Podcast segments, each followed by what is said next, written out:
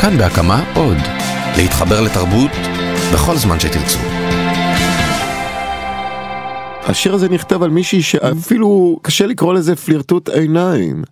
זה לא שאתה יודע, נעצנו אחת בשנייה מבטים הורגים ושעוד רגע, אתה יודע, בלי להגיד כלום הולכים ביחד. אולי זה השיר היחידי שלי, שאם אתה שומע אותו מההתחלה ועד סוף הפזמון הראשון, הנה הזוג הזה נמצא שם ביחד, הנה סוף סוף הם ביחד בחדר.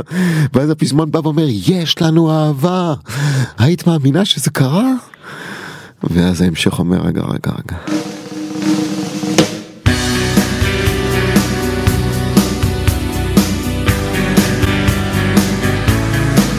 היי, כאן ניר גורלי ואתם מאזינים לשיר אחד. הפעם נפרק את אחד השירים הבולטים של ערן צור, לילות של ירח מלא.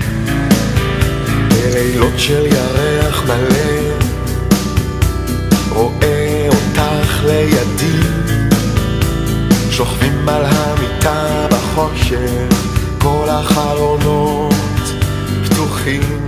הסיפור מתחיל ב-1997. שלוש שנים אחרי שכרמלה גרוס וגנר התפרקה, ערן צור עדיין חיפש כיוון.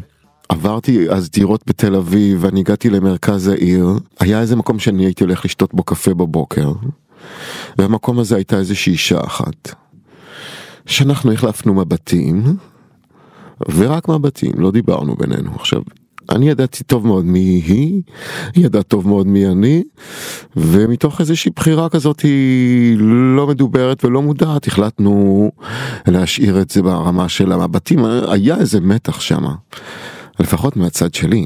במקום לעשות מה שאדם נורמטיבי היה עושה, לבקש מספר נניח, ערן עזב את המקום, הלך לדירה שלו והרים גיטרה. אומן לפעמים אה, מסתכל על דמויות שישמשו אחרי זה כמו מדיומים מסוימים לשירים שלו. לאו דווקא כאדם, אותו אומן בא לחפש באותו רגע בת זוג לחיים או משהו כזה. בלילות של ירח מלא, רואה אותך לידי. זאת פנטזיה נטו. האישה הזאת היא ממש לא ממשית, צר לי לומר. הוא שם סימן שאלה מאוד גדול על אה, האם הזוג הזה באמת נמצא שם ביחד, או שהכל בפנטזיה ובדמיון של הבחור הזה שיושב ומדבר בגוף ראשון, שוכב שם על המזרון הזה, ומסתכל בחלונות הגדולים על הירח המלא באמת ש, שצף אז בשמי תל אביב באותו לילה. הנה החיוך האצילי. הפזמון של השיר מושפע מאוד מאיזושהי נקודה מלודית ספציפית ביצירה על הטלל של אה, ריאד אל סומבטי ששרה אום כולתום. זה לאורך שנות התשעים, קסטה שאני קיבלתי מאיזושהי בת זוג שהייתה בתחילת שנות התשעים ואני יום אחד שלא יודע עשיתי לי מג'דרה בבישול ארוך אז הקשבתי לקסטה הזאתי ופתאום הגעתי להתרגש מזה מאוד ואז ישבתי עם גיטרה וניסיתי להבין מה הולך.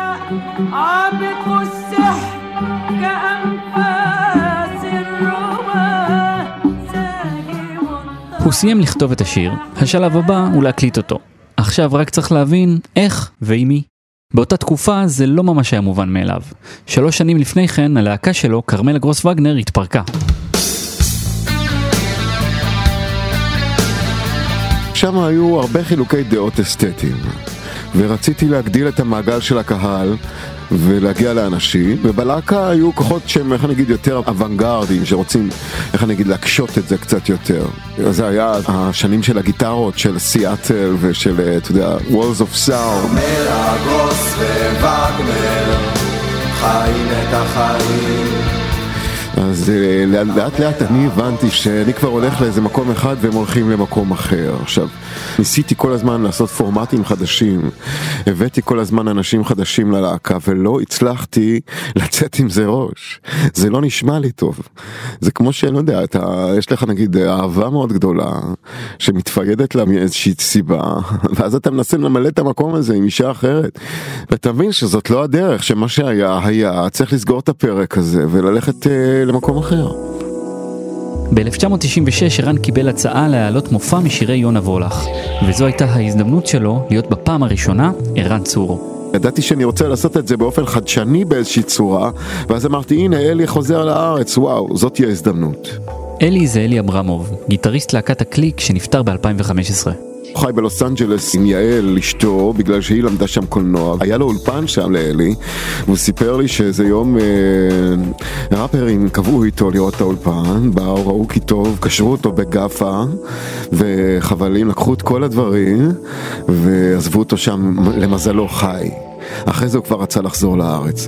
אורי בלק גיטריסט כרמלה גרוס וגנר, קישר בינינו, וכבר אז הרגשתי שוואו, יש פה איזה משהו, יש פה איזה חיבור, אני אוהב את הסאונד שלו. יצרתי איתו קשר, ובעצם אה, הלכנו לפרויקט הייתה חברה שלי ראש בראש.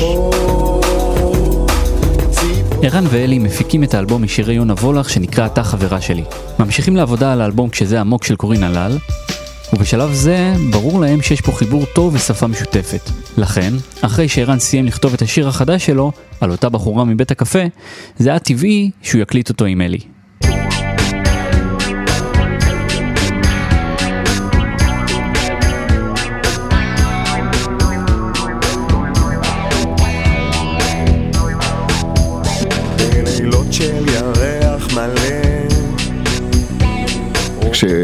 כשאומן עושה אלבום, אני חושב שאתה צריך לעשות אה, מסע חיפוש משמעותי.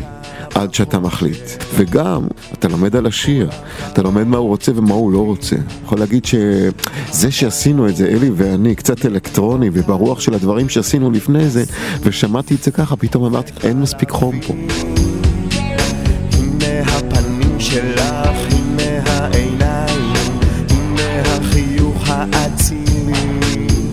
יכול להיות שהפרטים הקטנים שמעשירים יכולים לבוא מסמפלרים וממחשבים, אבל תופים צריכים להיות אמיתיים, גיטרה צריכה להיות גיטרה, הרמוניה צריכה להיות הרמונה, ורציתי את זה יבש יחסית, חם.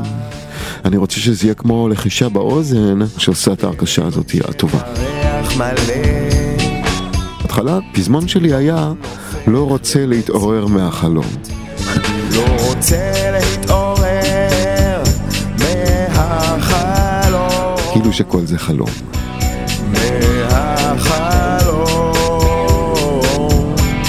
אני בעצמי באינטואיציות שלי כיוצר שקלתי את המשפט הזה ואמרתי רגע מה אתה מתכוון במשפט הזה ואז נאלצתי להודות בפני עצמי שאני לא מתכוון בו לכלום לא רוצה להתעורר מהחלום מה אתה אומר פה? שכל זה חלום, אוקיי, אז מה?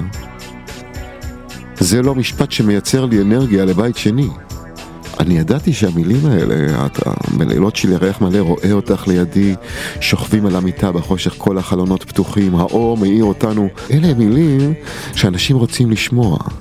אם הייתי שומע את המילים האלה, היה לי כיף. ידעתי שיש לי בידיים את אחד הדברים היותר טובים שעשיתי אי פעם. לא יכול להתעורר מהחלום, לא יכולתי לוותר לעצמי עליה, ידעתי שהיא לא מספיק טובה. וחלבי אה, מאיר בנאי אמר שיש דברים מסוימים שאתה מקבל כמתנה, כיוצר. חזרתי הביתה, לדירה הזאת על הגג במסריק אז שהייתי, ופתאום היה לי את המשפט הזה. יש לנו אהבה, היית מאמינה, אחרי כל המדבר הזה, איזו נחמה. זאת מתנה שקיבלתי, אני לא יודע מאיפה זה נחת, אבל uh, פתאום היה לי את המשפט הזה, שהוא משפט מפתח טוב, ובאמת ברגע שהוא בא ושרתי אותו עם הבית, אמרתי, וואו, מצאת.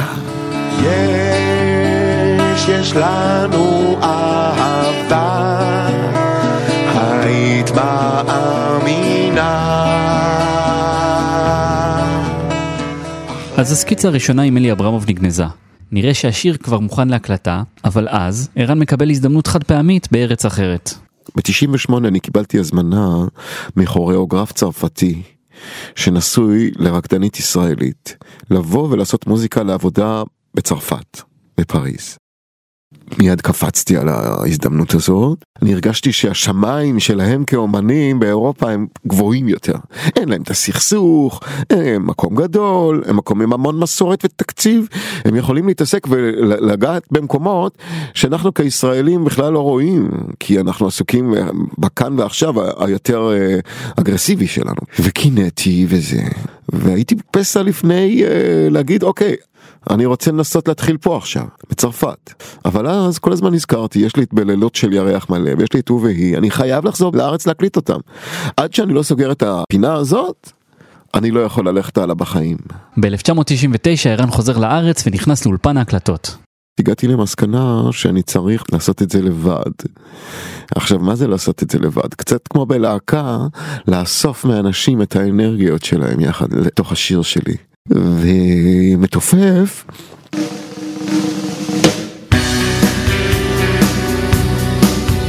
תמיד תמיד תמיד הסתקרנתי על הבחור הזה דני מרקוב.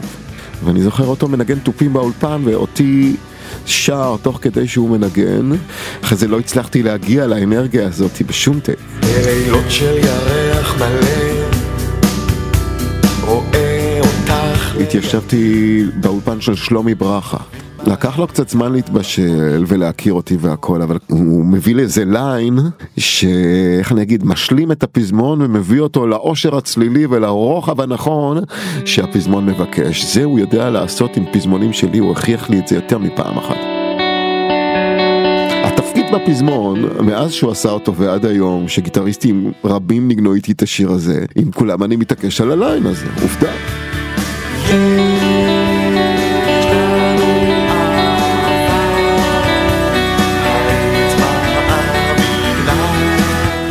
הוא שם לי את הפזמון הזה במקום הנכון. אז הנה, הרווחתי את זה מברכה, שנתן לי ברכה. אז מצאתי את הבן אדם שעשה לי את המחשב, את הלופים, מרקו גורקן. והוא הבין מהר מאוד שמה שהוא צריך בשיר הזה באמת את הפרטים הקטנים, את הגבוהים גבוהים גבוהים, להזהיב את השיר, זה בעיניי מה שהוא עושה שם. גמרנו להקליט הכל, גמרנו עם ברכה, גמרנו עם מקוב, אני ניגנתי בס, ניגנתי גיטרה אקוסטית, מרקו שם את הטרקים האלה של המחשב. ואז הבאנו לאולפן כמה וכמה חברות שלי, נדבר על רונה קינן, והיא תמיד שרה איתי צמוד, היא ידעה להיות איתי נגיד אה, קול שני, או למתוח מעליי איזשהו קו. אני הרגשתי שאוקיי, זה צבע אחד, וצריך עוד צבע. הכרתי את אפרת בן צור, שהייתה אחרי פודרה, האלבום הראשון שלה עם צוללת, ואז אתה נותן לה שיר, היא שומעת אותו באוזניות, אתה פותח מיקרופון, ושומע אותה מהמהמת, מזמזמת לעצמה ושרה לעצמה, ואתה מקליט את זה. מתעד את הרגע, בלי שהיא לגמרי עד הסוף תרגיש, אתה מבין, זה לא עד הסוף מכוון. כל הסוף של השיר הזה הוא בדיוק זה, שזה היה גם הדרך הנכונה לסיים את השיר. כאילו האישה שמדברים בה, אז היא ככה מהמהמת לעצמה באיזה הנאה, הסוף של השיר.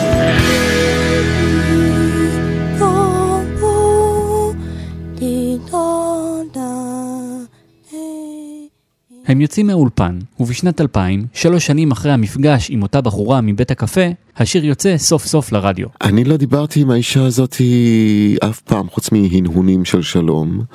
נשים שמהוות איזושהי אה, דמות שאני השתמשתי בה בשיר שלי, אני מאוד לא אוהב לבוא ולאמת אותן ואת עצמי עם זה.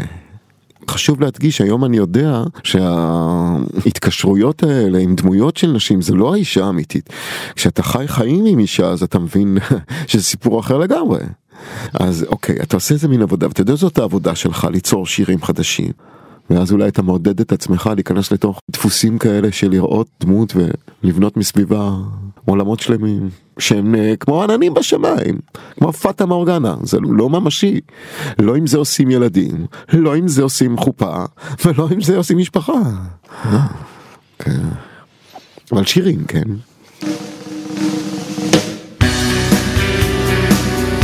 האזנתם לשיר אחד. הפקתי את התוכנית יחד עם אייל שינדלר ורום אטיק. טכנאי ההקלטה היה אסף רפפורט. תודה מיוחדת לשלומי ברכה שהקליט במיוחד עבורנו את ליין הגיטרה המקורי של השיר. אני ניר גורלי, משתמע בפרקים הבאים.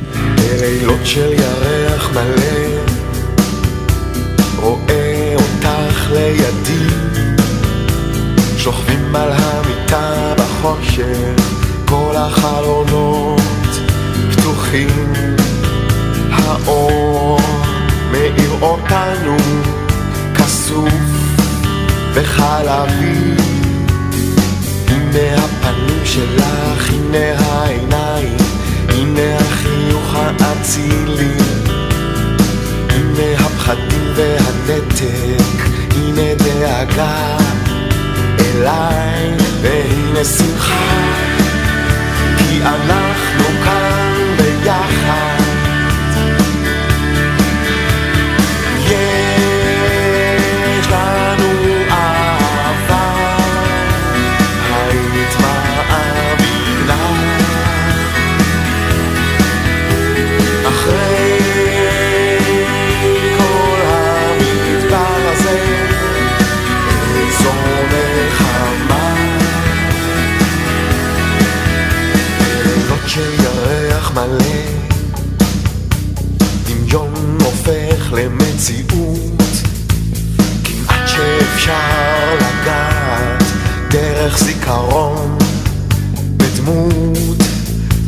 יודע. נכון אז